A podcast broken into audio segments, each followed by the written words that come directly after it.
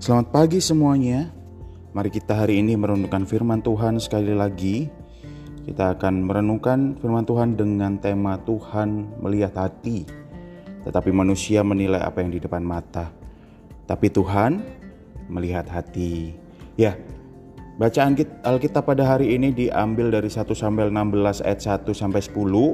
Bisa di-pause dulu untuk membaca Alkitabnya 1 Samuel 16 1 sampai 10. Tetapi di sini saya akan membacakan dari 1 Samuel 16 ayat yang ke-7 yang berkata, "Tetapi berfirmanlah Tuhan kepada Samuel, janganlah pandang parasnya atau perawakannya yang tinggi, sebab aku telah menolaknya. Bukan yang dilihat manusia yang dilihat Allah, manusia melihat apa yang di depan mata, tetapi Tuhan melihat hati." Ya, Samuel merasa terus bersedih karena Saul Bukan saja karena Samuel sangat mencintai Saul, tetapi juga karena Samuel telah menaruh harapan yang tinggi pada pemerintahannya Saul. Samuel sadar bahwa bangsa Israel sekarang berada di penghakiman Allah. Samuel merasa ngeri membayangkan apa yang akan terjadi pada Saul dan bangsa Israel. Tetapi Tuhan di dalam kekekalan telah memilih rencana bagi umatnya. Karena itu Tuhan berkata kepada Samuel supaya berhenti menangisi Saul dan pergi ke Bethlehem. Samuel diperintahkan untuk mengurapi salah seorang anak Isai untuk menjadi raja menggantikan Saul. Samuel merasa takut untuk melaksanakan perintah Tuhan ini karena Saul telah berubah. Ia bukan lagi Saul yang rendah hati. Kalau Saul tahu tidak akan yang akan dia lakukan oleh Samuel di Bethlehem, pastilah ia tidak akan segan-segan membunuh Samuel. Ketakutan Samuel ini cukup beralasan karena itu Tuhan tidak menganggapnya sebagai sebuah ketidaktaatan. Samuel hanya mengutarakan apa yang terjadi, apa yang menjadi kesulitannya di hadapan Tuhan dengan rendah hati. Kemudian Tuhan memberikan jalan keluar kepadanya. Tuhan memerintahkan Samuel pergi ke Bethlehem untuk mempersembahkan korban di sana dan mengundang keluarga Isai ke upacara tersebut. Pada saat itulah Samuel harus mengurapi salah seorang anak Isai yang Tuhan pilih untuk menjadi raja Israel menggantikan Saul. Apakah Tuhan sedang mengajarkan Samuel untuk berbohong? Tidak, karena memang upacara mempersembahkan korban harus harus dan penting dilakukan di Bethlehem, di mana raja yang baru itu akan diurapi. Ketika Samuel tiba di Bethlehem, para tua-tua kota itu datang menyambut dia. Mereka gelisah dan bertanya-tanya pesan apa gerangan yang akan disampaikan oleh Samuel kepada mereka. Apakah berita baik atau buruk?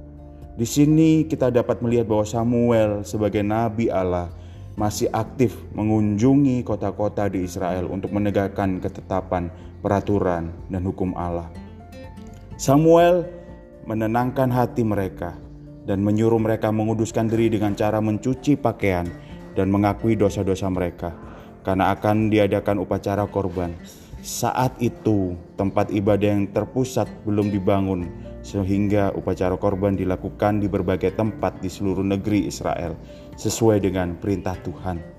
Samuel secara kudus menguduskan, secara khusus menguduskan keluarga Isai karena ia akan makan daging korban bersama keluarga ini. Sebelum anak-anak Isai duduk, Samuel menyuruh mereka berjalan di depan satu persatu.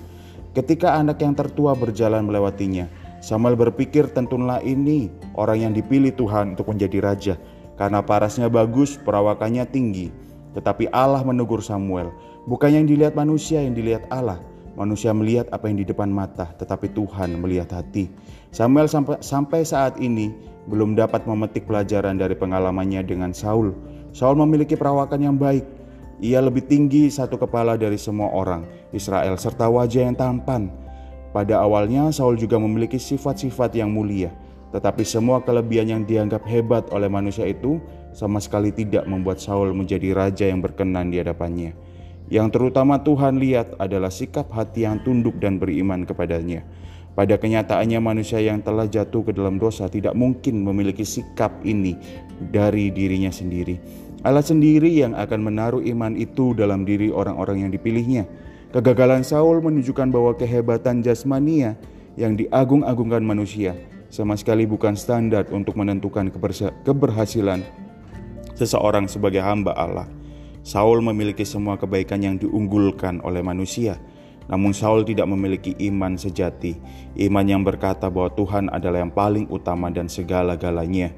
Iman yang berkata bahwa Tuhan adalah yang paling utama dan segala-segalanya. Dan Tuhan mengharapkan manusia memiliki iman seperti itu. Iman yang juga merupakan anugerahnya kepada orang yang dipilihnya. Ya mari kita memiliki hati yang seperti sesuai kehendak Tuhan yang Tuhan mau.